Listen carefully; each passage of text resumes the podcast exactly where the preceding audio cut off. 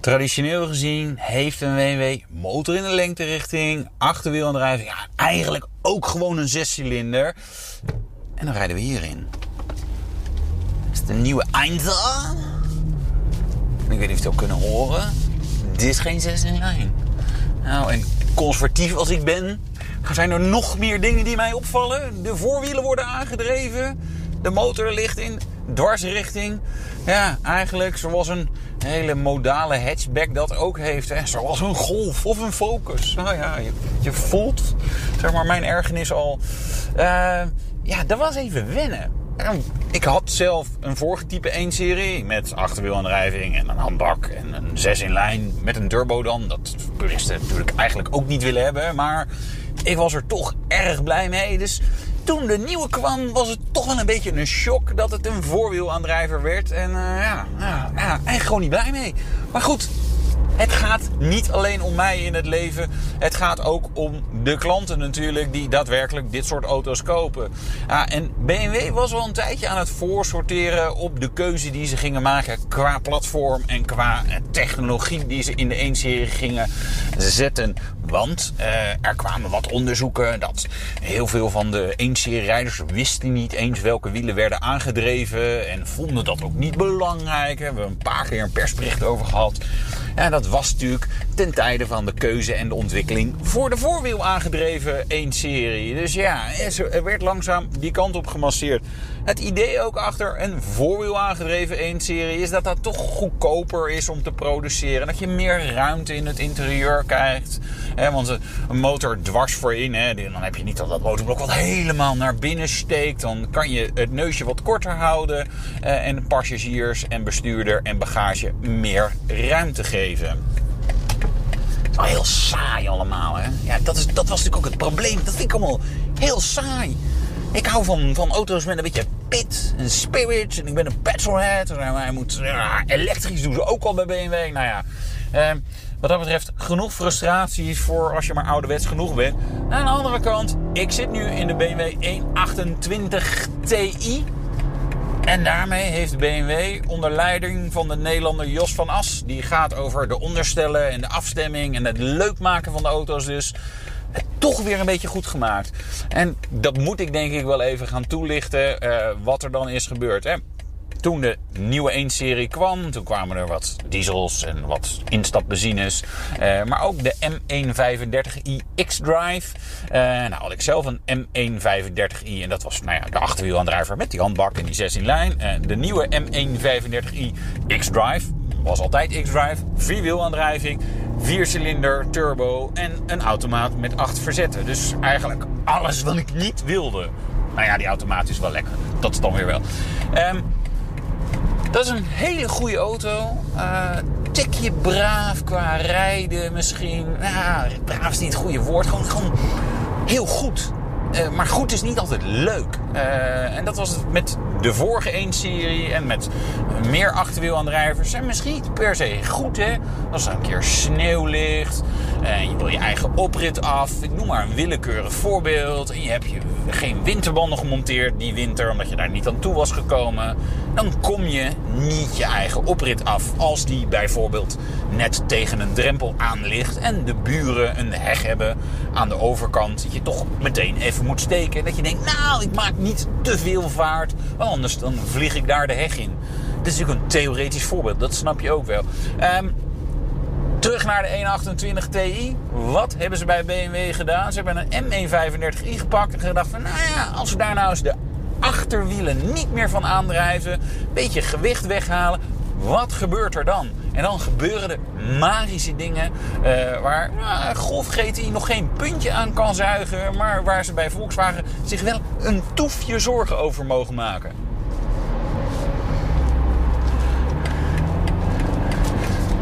We hebben een aantal dingen namelijk gedaan. Uh, adaptieve demping van de M135i eruit. Uh, een behoorlijk mannelijk onderstel. Ja, je weet, dit is echt conservatief, mannelijk. Alles, alles wat fout is, dat komt terug in deze 1-serie voor mij. En het grappige genoeg is, de 1-serie doet het volgens mij bijzonder goed bij vrouwen. Weer geinig. Maar uh, redelijk uh, harde vering, demping. Vooral lage snelheid. Die echt nou, het zou ietsje meer soepelheid zou mogen. Maar als je hem dan bij zijn nekvel pakt, ja, dan wordt het leuk. Dan wordt het een auto die echt de bocht in kan gooien. Als je dan denkt, oeh, het gaat te hard. Je laat even het gas los. Dan voel je het kontje een beetje komen. Het is een lift of oversteer. Als je denkt, waar heeft die man het over? Google het eens even.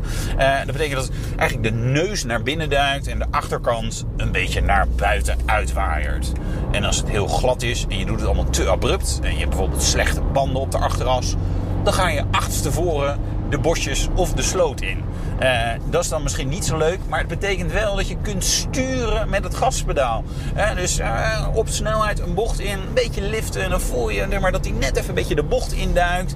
als je dan weer op het gas gaat, dan kom je bij een mooie feature die BMW heeft gemonteerd, namelijk een Torsen spare differential. Uh, spare differential, nou, we weten het, zeg maar, de binnenbocht uh, is eigenlijk korter dan de buitenbocht. Dus de binnenste wielen uh, rijden een kortere weg dan de buitenste wielen. Daarom hebben we differentiële uitgevonden. Dan kunnen ze onafhankelijk van elkaar eh, de bocht afleggen. En dat is goed. Behalve als je vol gas geeft. Wat er dan namelijk gebeurt, het differentieel stuurt in principe alle kracht naar het uh, wiel met de minste weerstand. Zeker als er wielspin ontstaat. En dat betekent dat je nou ja, een slippend binnenste voorwieltje hebt. Of achterwieltje, daar kan het ook. Wat doet een spare differentieel? Nou ja, die uh, heft eigenlijk zeg maar, dat vrij draaien weer op. En koppelt de wielen als het ware weer aan elkaar. En dat betekent dat je veel meer grip hebt. En dat die auto zeg maar, als een kogel de bocht uit kan accelereren.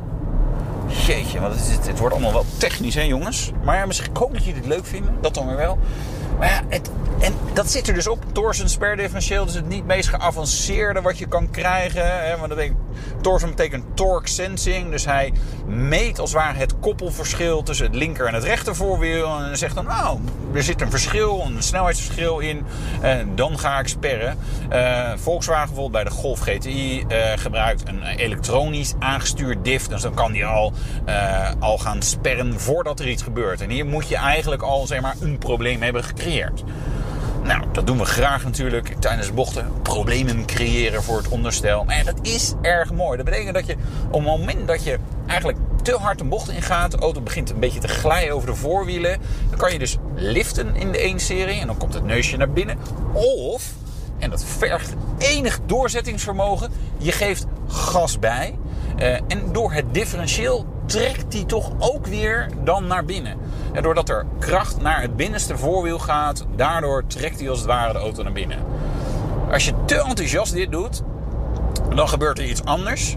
Dan trekt hij in eerste instantie misschien naar binnen en daarna glijdt hij subiet en heel agressief en oncontroleerbaar over die voorwielen weg. En dat is niet driften. Drift is als je dat met de achterwielen hebt. Um, maar voor, ja, dan wordt het onderstuur en dan kan je niks meer. Uh, en dat kan soms spannend zijn. Maar daar heeft de 1-serie op zich niet vaak last van. Uh, het is allemaal wel mooi afgewogen geheel. Wat enthousiasme weer, hè? Het is woensdagochtend en ik ben enthousiast over een auto. Heerlijk. Daarom, daarom hou ik van ja, dit vak. Hè. Autootjes rijden, radio overmaken, video's doe ik trouwens ook. Um, nou ja, dan nog wat meer technologie. Hij is natuurlijk wat lichter geworden doordat de verwielaandrijving is verdwenen. Maar ook er zijn een soort verstevigingen onder koets die de M135i X-Drive wel heeft. En voor de 128 Ti hebben ze dat niet gedaan. Uh, dus het scheelt uiteindelijk 80 kilogram. Niet waanzinnig veel. Dus als je één passagier meeneemt, dan zit je weer een beetje aan dat gewicht. Um, motorisch, feitelijk het M135i blok. Maar ze hebben hem ietsje teruggedraaid. Um, 2 liter turbo, twin power turbo. betekent niet een twin turbo. Maar dat betekent dat er een nou, twin scroll turbo uh, op zit. En dan zijn feitelijk twee kanalen. Uh, zij kan, nou ja, eigenlijk als er bij lage toerentallen pakt hij dan makkelijker op. En bij hoge toerentallen blijft hij het goed daarna doen. Nou ja, weet je, vergeet het maar. Twin scroll turbos kunnen nog een hele uitzending over maken, mocht je daar interesse in hebben. Ehm, het resultaat, 265 pk, 400 newtonmeter aan koppel. Ehm, ja, dat is natuurlijk gewoon lekker in een auto als de 1-serie. En als je dan kijkt inderdaad, wat hebben hot hatches van dit formaat. Hè? Uh, Golf GTI begint bij 245 pk en gaat naar 300 voor de clubsport. Uh, Megane RS uh, zit ook een beetje op dat vermogen. Hyundai heeft verrassend genoeg ook zoiets. i30N ook 265 pk. Ford Focus ST hebben we 280 pk. Dus hij zit daar redelijk in de buurt. Uh, sprint naar de 100, 6,1 seconden. Topsnelheid 250 km per uur. Ja, in een Einza, in een kleine hatchback. Dit is wel grappig. Absoluut leuk. Snel genoeg. Blok is niet, maar weet je, niet een blok om alleen maar fan van te zijn. Want wat doet hij niet zo lekker? Nou, ik ga zo hier uh, gas kunnen geven hopelijk. Als diegene voor mij weggaat. Kun je het misschien een beetje horen. Ik zal hem even in de manual zetten. Dan schakelt hij zelf. Ik heb ook een automaat inderdaad. Dus ik kan lekker flipperen trek hem even door. Je hoort dat denk ik niet echt. Maar het gevoel erbij is... Nou ja, die midrange tussen 2 en 5000 toeren, dan heeft hij er echt lekker zin in. En die laatste duizend toeren, nou, het is niet dat hij er geen zin in heeft. Maar het is niet zoals bij een mooi atmosferisch blok dat je dan denkt: oh, ik haal hem door naar de toerenbegrenzer. En die laatste duizend toeren, ja, dan, voel je hem nog harder versnellen. Uh, nee, ja, hij levert extra vermogen, dat is het. Maar het klinkt moi. Uh, en hij doet het met wat minder enthousiasme uh, dan je wellicht zou willen. Maar ja, weet je, in combinatie met automaten. En nu rijd gewoon in drive, even 120, even vol gas. Schakel terug. Echt rap apparaat. Zonder meer. Hè. Snel genoeg, leuk genoeg. En qua sturen vind ik het echt een gaaf apparaat. Uh, dit exemplaar is wit en heeft een nogal grote grill. Dat hebben alle, alle 1-series, alle BMW's eigenlijk inmiddels.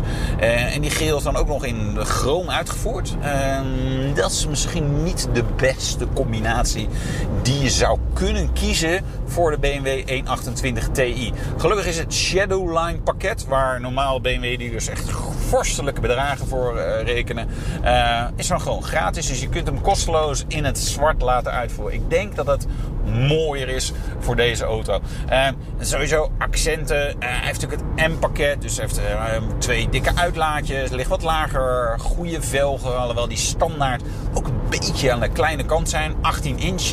Dat is voor een moderne auto niet zo heel veel meer. wel lekker plakkerige banden. Dus dat doet het allemaal wel goed.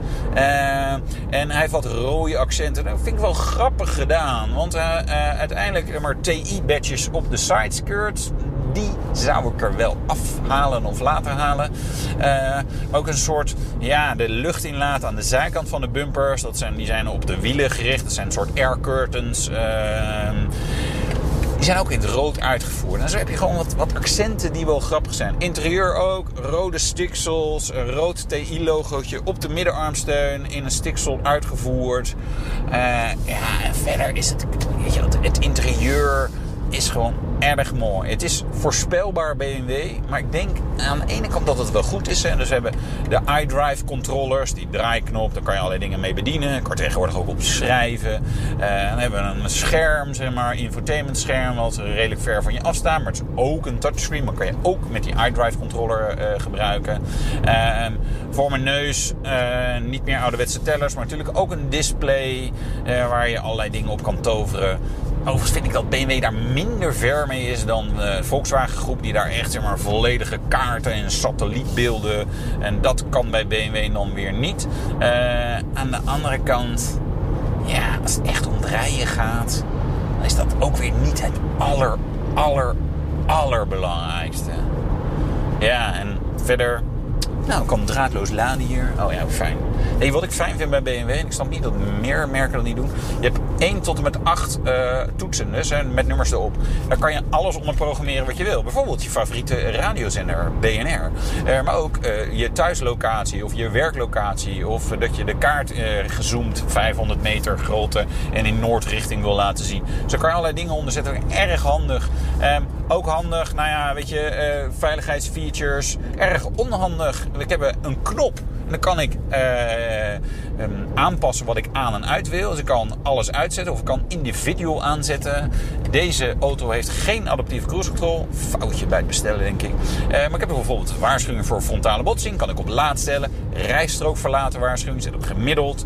Uh, daar zit een vinkje bij. Stuuringreep. Stuuringreep vanaf 70 km per uur, zegt hij dan. Als ik die uitzet, zegt hij... Functie wordt bij de volgende rit weer geactiveerd ronduit irritant. Het zal met de Euro NCAP regels of iets dergelijks te maken hebben. Maar die moet ik dus elke keer weer aan uh, of uitzetten eigenlijk. En gaat vanzelf aan. En dan de inhaalwaarschuwing, dus dode hoek uh, op gemiddeld. Maar je kan dat soort dingen allemaal instellen. En je ziet ook ja, qua package, qua veiligheid en zo. Fantastisch. Helemaal modern.